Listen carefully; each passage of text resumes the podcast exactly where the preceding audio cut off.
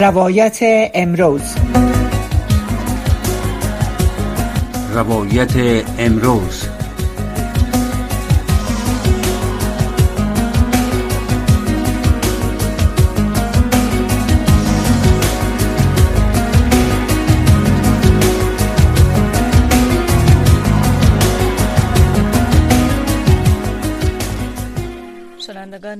محترم برنامه روایت امروز. سلام. امیدوارم که همگی شما خوب باشین. لینا روزبه هستم میزبان برنامه ساعت و موضوع برنامه را به اوضاع مالی و اقتصادی افغانستان اختصاص دادیم. بعض تحولات و ها در بازار تبادله اسهار و اسهار و اینکه این موضوع چه تاثیری را روی وضعیت کلی مالی افغان هایی که همکنون با مشکلات مالی فراوان و به خصوص مشکلات اقتصادی در افغانستان دست و پنجه نرم می‌کنن. مهمان برنامه ما محترم آقای آدرخش حافظی رئیس اتاق تجارت افغانستان هستند که خوشبختانه ایشان را در خط با خود داریم. امیدواریم شما هم اگر سوالهایی در رابطه با وضعیت مالی افغانستان و با طور کل تاثیرات از روی موضوع تجارت و تبادلات دارین می‌تونیم با تماس با برنامه نظریت خود را با ما در میان بگذاریم. آقای حافظی سلام و سپاس از اینکه وقت خود را در اختیار برنامه گذاشتیم سلام بر شما و همکاران گرامی و چون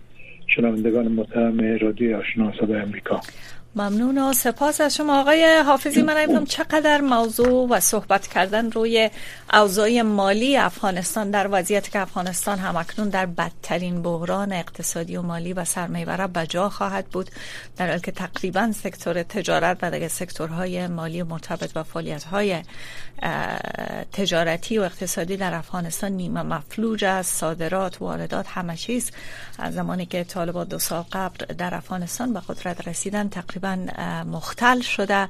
و اکثر تاجران و تجارت پیشای افغانستان هم و افرادی که در این سکتور فعال بودن مثل شما مجبور شدن که افغانستان را ترک بگن و متاسفانه این سکتور هم از نداشتن افراد با ظرفیت در یکی از حساس ترین شرایط اوضاع و بحران های مالی افغانستان هم اکنون رنج می‌بره. به نظر شما یک بحران مالی و نوسان هایی که ما شاهد او در بازار تبادل از و اسهار و شاخص افغانی هستیم. یک چیز عادی هست یا فکر می‌کنین که بحران تا حد قبل از غیر مترقبه بوده؟ یعنی پیش بینی نمی‌شد که تا با از تا حد اوضاع مالی افغانستان از حضور طالبان متاثر شوند خب با سلام و تمنیت نیک مجدد خدمت شما. و محترم رادیو قابل ذکر است که اقتصاد مالی افغانستان و همچنان اقتصاد تجاری افغانستان هنوز به دست سکتور خصوصی افغانستان است. و دولت به او حضور نداره و در سرمایه تقریبا ده میلیارد دلاری که تجارت در اونجا انجام میته و در سراسر افغانستان مواد اولیه را میرسانه این مربوط به سکتور خصوصی افغانستان است. ذخایر مربوط به سکتور خصوصی افغانستان است. ترانسپورت مربوط به بخش خصوصی است. تقریبا 5000 کارخانه همه از مربوط به سکتور خصوصی است و دولت تشبس اقتصادی نداره بنابراین اگر یک وفرت و آسانی هایی که هم که وجود داره این از برکت فعالیت و کارکرد سکتور خصوصی افغانستان است. بله. در شرایط در هیچ جای افغانستان با واسه که تغییرات رادیکال سیاسی آمد و بالکل نظام سیاسی افغانستان دگرگونه شد و از ریشه تغییر کرد. باز هم با همت سکتور خصوصی افغانستان قطعی به وجود نیامد و همه چیز با افراد پیدا میشه اما مردم قدرت خرید ندارن. بله. از این قدرت خرید ایجاد جای کار و امکانات دیگی که برای رفاه اجتماعی می انجامه او وظیفه دولت هاست اما ایچی هم که فرمودین شما مسئله بالا رفتن ارزش پول افغانی گرچه بر رفاه مردم نمی انجامه. تا وقتی که نرخ تورم پایین نه تا قیمت ها پایین نه متناسبه پایین آمدن. اما به هر صورت حفظ قیمت افغانی باز برای مامورینی که با پول افغانی تنخواه می‌گیرن بله. و با کارمندان که عوایدشان افغانی است بر از برای ثبات وضعیتشان خوب است خب اتحادیه صرافا میگه که دلیل کاهش ارزش دلار همکنون در بازارهای افغانستان کمک های نقدی است که به شکل افتوار به افغانستان میه و همچنین کمبود بانکنوت ها تا که شما گفتین نوسانات به ضرر صرافان و تاجران در افغانستان است. به نظر شما در حالی که طوری که گفته اکثر مراودات و یا تجارت ها هنوز هم به دست سکتور خصوصی است در افغانستان حکومت کنترل اندک روی از او داره. ولی ناهنجاری ها هرج و مرجی که در سیستم رو نما شده بر اثر از او بانکداری همچنان مختل شده. بانک مرکزی افغانستان همه که تحت کنترل غیر مستقیم طالبا به قرار داره. به نظر شما آیا این نوسانات می‌تونه بازارهای جهانی جدی بگیره در قبال مراودات مالی که با افغانستان دارن و آیا شما موافق هستیم که ارسال پول هفتواری که به نام امداد به افغانستان روان نشه و کمبود نوت های بانکی باعث شده که ارزش پول افغانی بیشتر به نظر برسه در بازار؟ خب این موضوع از این که ریشه دارتر و جرفتر است. بله. این کمبود پول افغانی چون حجم واضح کم شده او قدر تاثیر بالای وضعیت نداره. بله. اما اصل مسئله ای است که 9.5 میلیارد دلار ذخیره استراتژیک افغانستان که در اون سال آخر حکومت قبلی یک 500 میلیون کشیدن 9 میلیارد از او باقی است. با اساس اون پول از طرف فدرال ریزرو بانک امریکا یک لیتر یک نامه نوشته شده او رو به نام اعتبارنامه میگن یا گرانتی لیتر. که قیمت پول افغانی را از 48 افغانی تا 80 افغانی در نوسان تثبیت کرده بودن. و او مکتوب هنوز به قوت خود باقی است و او رو پس نگرفتن. و دیگه که می ذخایر استراتژیک افغانستان گرچه دولت تعلیق است ولی وجود داره نه تنها کم نشده بلکه به دلیل از که از او حکومت دسترسی نداره که استفاده کنه یک مقدار هم یک چند میلیون دلار دیگه در دو سال گذشته او فایده کرده. به این ترتیب یکی عمدهترین دلیل ثبات پول افغانی موجودیت ذخایر استراتژیک افغانستان است. بله. پاکستان که ذخایر استراتژیک از 11.6 میلیارد کاهش به 3.8 قیمت پولش نصف شد. مثلا امیال چهار کلدار پاکستانی یک افغانی است. بله. و این بی‌نظیر است. تاریخ هیچ وقت نبودم. دلیل دومیشی است که ما کاهش واردات داریم. در گذشته بین 10 تا 12 میلیارد دلار ما واردات داشتیم که با زودی فروخته می‌شد. اما دلیل کاهش قدرت خرید مردم و فقر گسترده که وجود دارند نیاز به کالا کم شده و حجم واردات ما بین 4.8 میلیارد تا 5.5 میلیارد است. یعنی کمتر از نصف گذشته ما واردات داریم. وقتی که واردات شما کمتر داشته باشین متناسب با اون نیاز به پول سخت یا به هارد کرنسی که می دلار و پوند و یورو یا به یا کمتر شما نیاز پیدا می‌کنین از طرف دیگه افغان های مقیم خارج کسانی که شهروندان افغانستانی که در خارج زندگی می‌کنن یا در 51 کشور تشبسات اقتصادی دارن کار دارن زندگی دارن یا به خانواده خود کمک می‌کنن در پاییزی برای خرید اماکن رهایشی و اماکن تجارتی و همچنان ترمیم از او و به دلایل دیگه پیسه روان می‌کنن. این پول به اساس سروی که ما کردیم به یک اشاری هفت تا دو میلیارد دلار تا دو میلیارد 300 میلیون شم ما محاسبه کردیم. این پیسه هم این پولی است که بیه علاوه به این افتوار بین 40 تا 50 میلیون دلار به شکل فیزیکی نقد به بانک بین‌المللی افغانستان میه و او بازو تبدیل میشه به پول افغانی و افغانی از بازار جمع میشه. و باز بانک مرکزی از این دلارها به بازار تجریق می‌کنه که قیمت پول افغانی به شکل مصنوعی بلند نگه بکنه و به مقابلش پول دلار یا کاهش بده و. یک موضوع دیگه هم باید توجه کنیم که امی ساحه تاثیر و چلند پول کمی گسترش یافته در گذشته در امی ولایات سرحدی ما در مشرقی و در جنوبی پول رایج کلدار پاکستانی میچلید بله. و در مجاورت ایران در, در حوزه جنوب غرب به شمول هرات باستان و فرا و نیمروز و بادغیس اینجا علال اکثر تومان ایرانی میچلید بله بله. حال او برای که نوسان بسیار زیاد است دو مثلا تقریبا سی درصد ارزش خود را یعنی در ماه گذشته تومان از داده و در حدود 50 درصد قیمت خود کلدار از داده. مردم دیگه اعتماد نمی‌کنن اون پولا رو ذخیره نمی‌کنن. و از اون پول افغانی استفاده می‌کنن. و این هم سبب جذب یک مقدار زیاد افغانی در مبادلات روزمره میشه که هم سبب تحکیم قیمت پول میشه. ولی باید داشته باشین که به این معنا نیست که بالا رفتن قیمت پول سبب رفاه مردم میشه یا سبب رونق اقتصادی تو نیست. در ژاپن مثلا دو یعنی ژاپنی یک افغانی است. اما بله. ژاپن اقتصاد سوم دنیاست و یکی از مختلفترین اقتصادهای بعد از جنگ رومی دوم تا به امروز است. لازم بالا بودن قیمت پول الزامات به معنی رفاه و پیشرفت اقتصادی نیست. بله. خب یکی اعتبار یا ارزش یک شاخص پولی است رقمی که شما گفتین در بازارهای جهان مثلا پول افغانی ممکن در حال حاضر از روپیه از کلدار پاکستانی یا تومان ایران ارزش بالاتری داشته باشه. ولی گاهی ثبات شاخص های پولی هم هست که مهمتر از ارزششان است. در افغانستان گرچه این نوسان بازار به طور که شما گفتین ممکن حتی با بلند رفتن ارزش افغانی هم یک خبر خوبی نباشه. ولی ثبات پولی افغانستان هم چیزی است که اکثر تاجران اکثر به خصوص سرمایه گذارا او را مد نظر می‌گیرن به نظر شما طوری که شما گفتین در برخی از ولایت افغانستان هنوز هم کلدار پاکستانی استفاده میشه یا تومان ایرانی اکثرا مراودات بزرگتر با دلار صورت می‌گیره.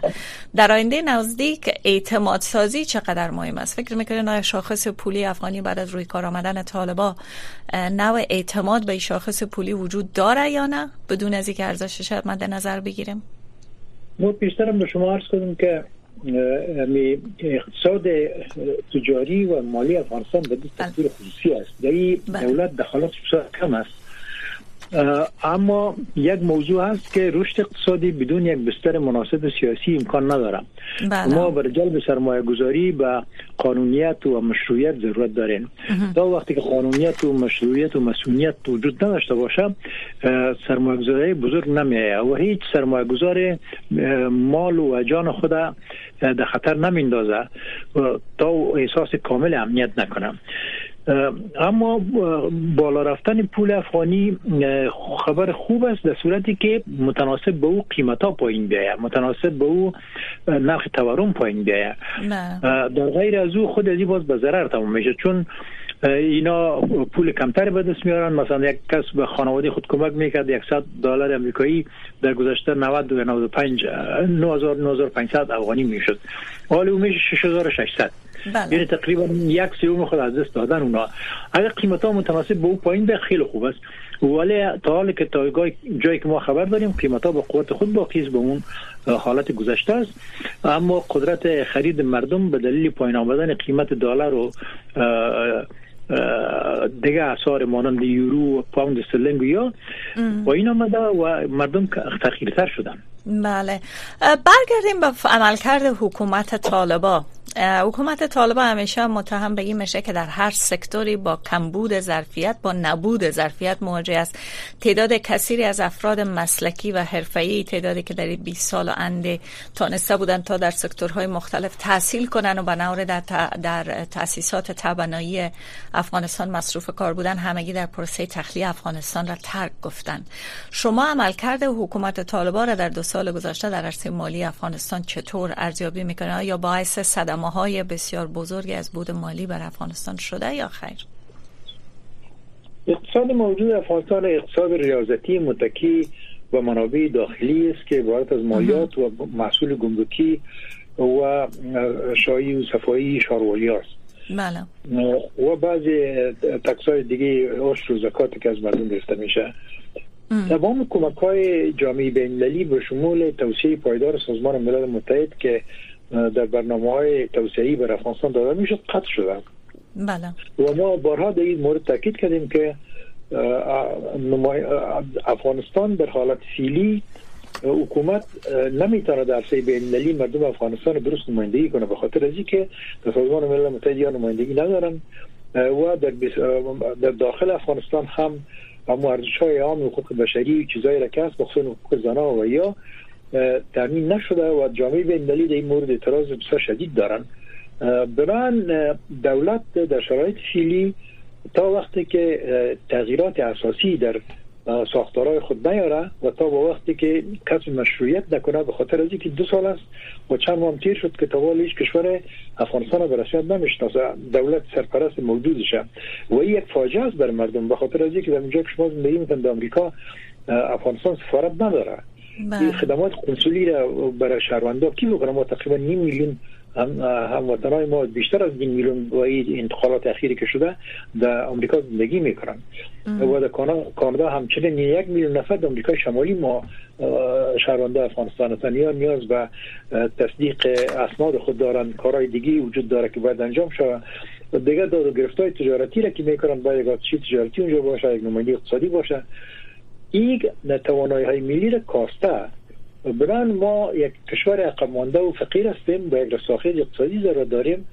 و تا وقت یک بستر مناسب سیاسی مقتدر مشروع که طرف تایید جامعه ملی و جامعه بین‌المللی و منطقوی نباشه ما به رشد کافی دست نمیافیم بران اولویت مردم افغانستان به دست آوردن یک مشروعیت اقتدار دولتی است بله.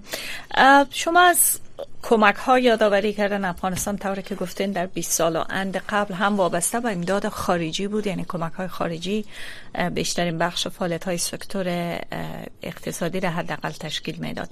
و حال گفته میشه که امداد هم که هفتوار به افغانستان میره باعث تاثیرگذاری بر ارزش شاخص پول افغانی شده. به نظر شما اقتصاد افغانستان و به طور مشخص بازار مالی افغانستان ارزش شاخص پولی افغانستان. تا چقدر وابسته به کمک خارجی است که همکنون هفت بار به افغانستان میره به نظر شما اگه این کمک قطع شوه آیا بوران پولی در افغانستان به وجود خواهد آمد یا خیر؟ ما پیشتر خدمت شما عرض کردم که بله. از دید ما هم در حکمت نظری و هم در حکمت عملی که ما سکتور خصوصی افغانستان به ما اعتماد کردن و ما مسئولیت داشتیم. بله. این چهار عامل عمده داره. یکی خب بودن ذخایر استراتژیک افغانستان است. اگر اون نباشه بله. پول ما آن سقوط می‌کنه. دلیل دوم بر جمعوری پول اضافی افغانی که در از مارکت رو جمع می‌کنن همین تزریق 50 میلیون 40 میلیون دلار در هفته بسیار موثر است. سوم کاهش واردات است که ما واردات ما به نصف رسیده. و صادرات مواد مدنی ما دو چند بینیم چند شده بله. یا فاکتورا و عامل است که سبب بالا رفتن ارزش پول افغانی در برابر دیگه اسعار شده. بله. خب شما یکی از کسانی هستین که تجربه بسیار خاص و خوبی را در عرصه سکتور مالی تجارت افغانستان دارین. اگر با شما با نظریه شما برگردیم عمده ترین نگرانی که شما در ظرف حداقل دو سه سال آینده در بخش مالی افغانستان دارین چیست؟ و به نظر شما چه راه های حل می‌تونه از رکود و یک فاجعه و بحران بزرگتر مالی در افغانستان جلوگیری کنه؟ چرا که در حال حاضر جنگ اوکراین بود. حال جنگ در شرق میانه وضعیت بین اسرائیل و فلسطین هم بر بازارهای مالی جهان بخصوص در بخش صدور نفت قیمت طلا و غیره تاثیرات بسیار منفی گذاشته توصیه شما چیست؟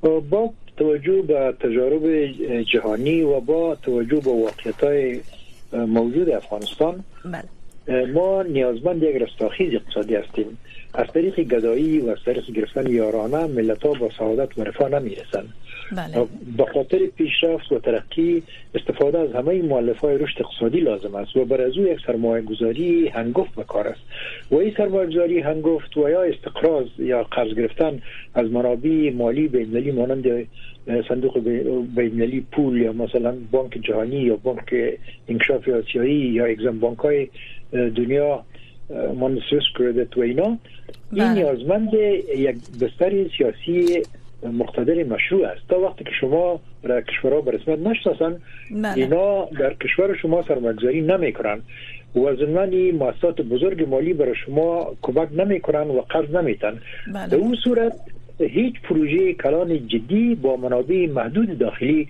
شده نمی‌تونه مثلا همی بنده برقی که در فرانسه ساخته شده یا امریکایی ساختن یا ایتاز شوروی ساختن بله. یا جرمنا ساختن راههایی که داشتیم بزرگ راههایی که داشتیم مثلا تونس هلند ایتالیا شوروی ساختن مثلا سرک کابل قندهار آمریکا ساختن قندهار هرات باز شوروی ساخته سرک کابل جلال‌آباد جرمنا ساختن.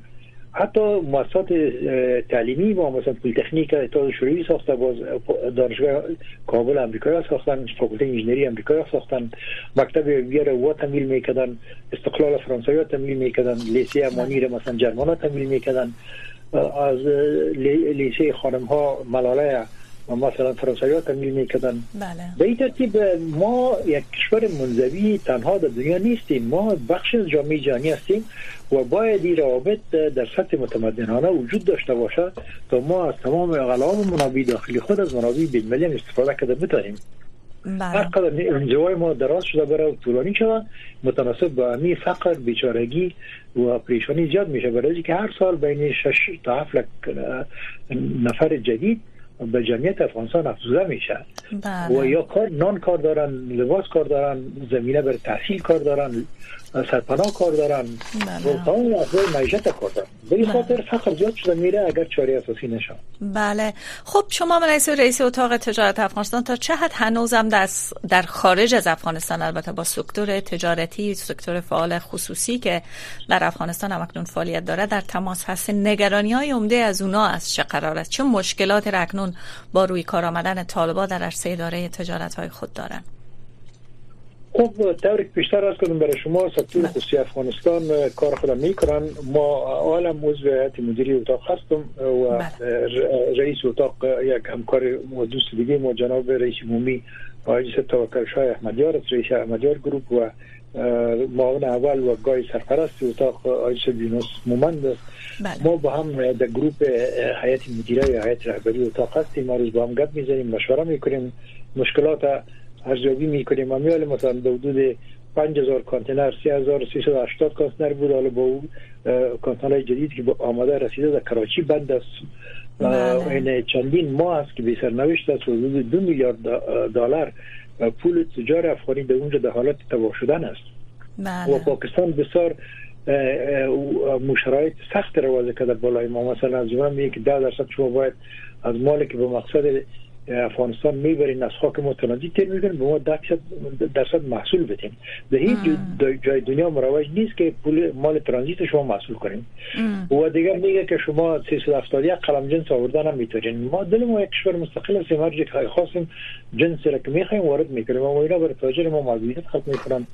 و در شرایط فعلی حکومت سرپرست طالبان چون از طرف هیچ کشوری به رسمیت شناخته نشده در مراجع رفع منازعات بین‌المللی یا محاکم تجارتی قومی دعوا کردن می‌تونن.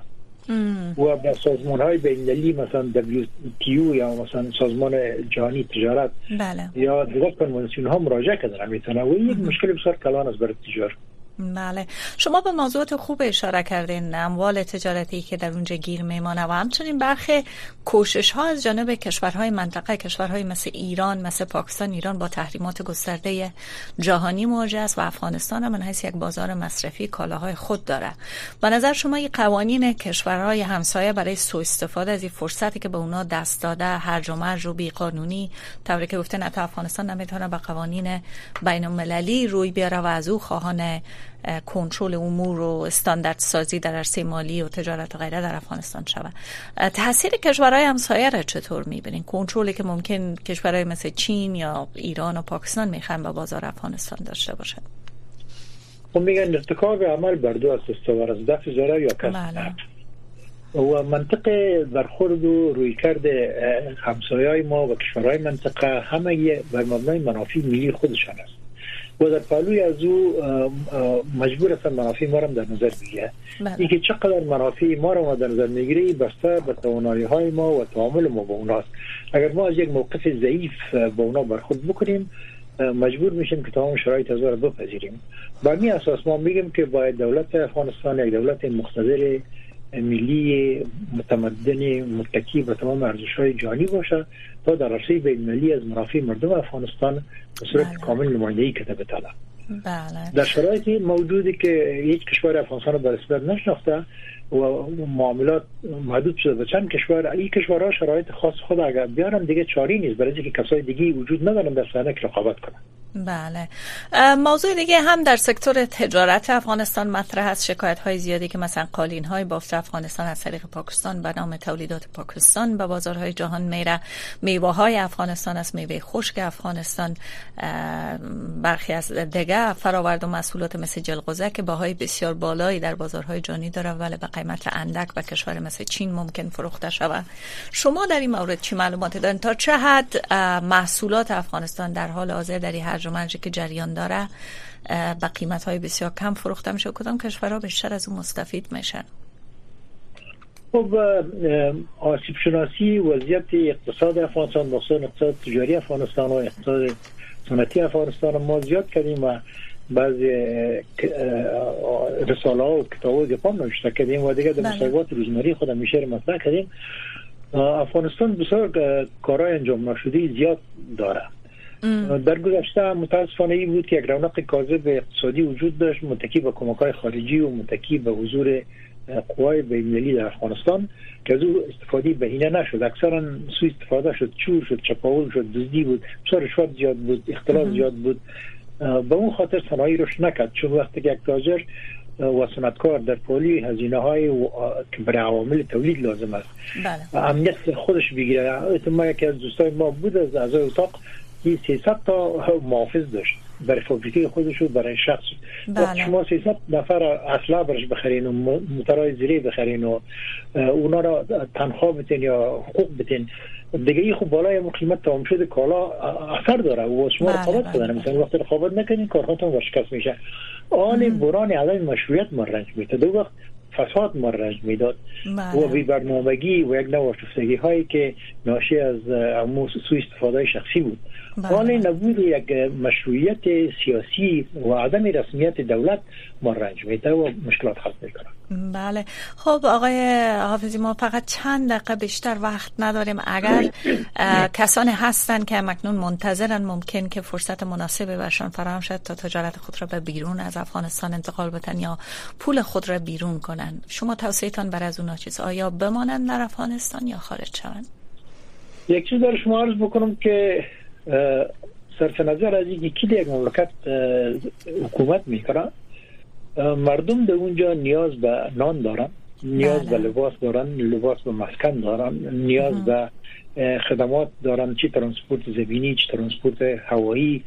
و انواع دیگی خدمات از بهداشت گرفته تا آموزش و پرورش. بله. بنابراین میگه بیا تا جهان را به بد نسپریم.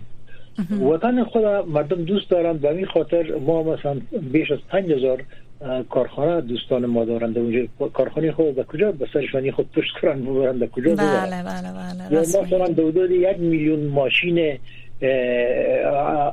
باربری و مسافربری دارن بله. چی کنن و وسایل ساختمانی دارن کرن دارن بلدوزر بله، دارن بله. دمترک دارن. یار چی کنن؟ اینا مجبور هستن که در خود باقی بانن یگانه کاری که میشه این است که باید مناسبات بین سکتور خصوصی و سکتور عامه که دولت است بهینه باشه. از ظرفیت نهایی خود حکومت بتونه استفاده کنه تا مشکل سکتور خصوصی را حل کنه که در شرایط فعلی متاسفانه به مورد امکانش نیست. چون دولت بیشتر از خودم برتن که هیچ کس برسه نمی‌شناسه. بله. خب ممنون و سپاس از اینکه وقت خود را در اختیار برنامه ما, برنامه گذاشتن آقای حافظی. و از تحلیل و معلوماتی که در قبال بازار مالی تبادل شاخص افغانی و همچنان سکتور تجارت برای شنونده ارائه کردین. تشکر از وقتتان. ممنون و تشکر از بیننده و شنوندهایی که در طول برنامه با ما بودن. همکاران در بخش دریو پشتو با بخش دیگه برنامه به زودی با شما خواهند بود. ممنون و سپاس از وقتتان. شب و روزتان بخیر.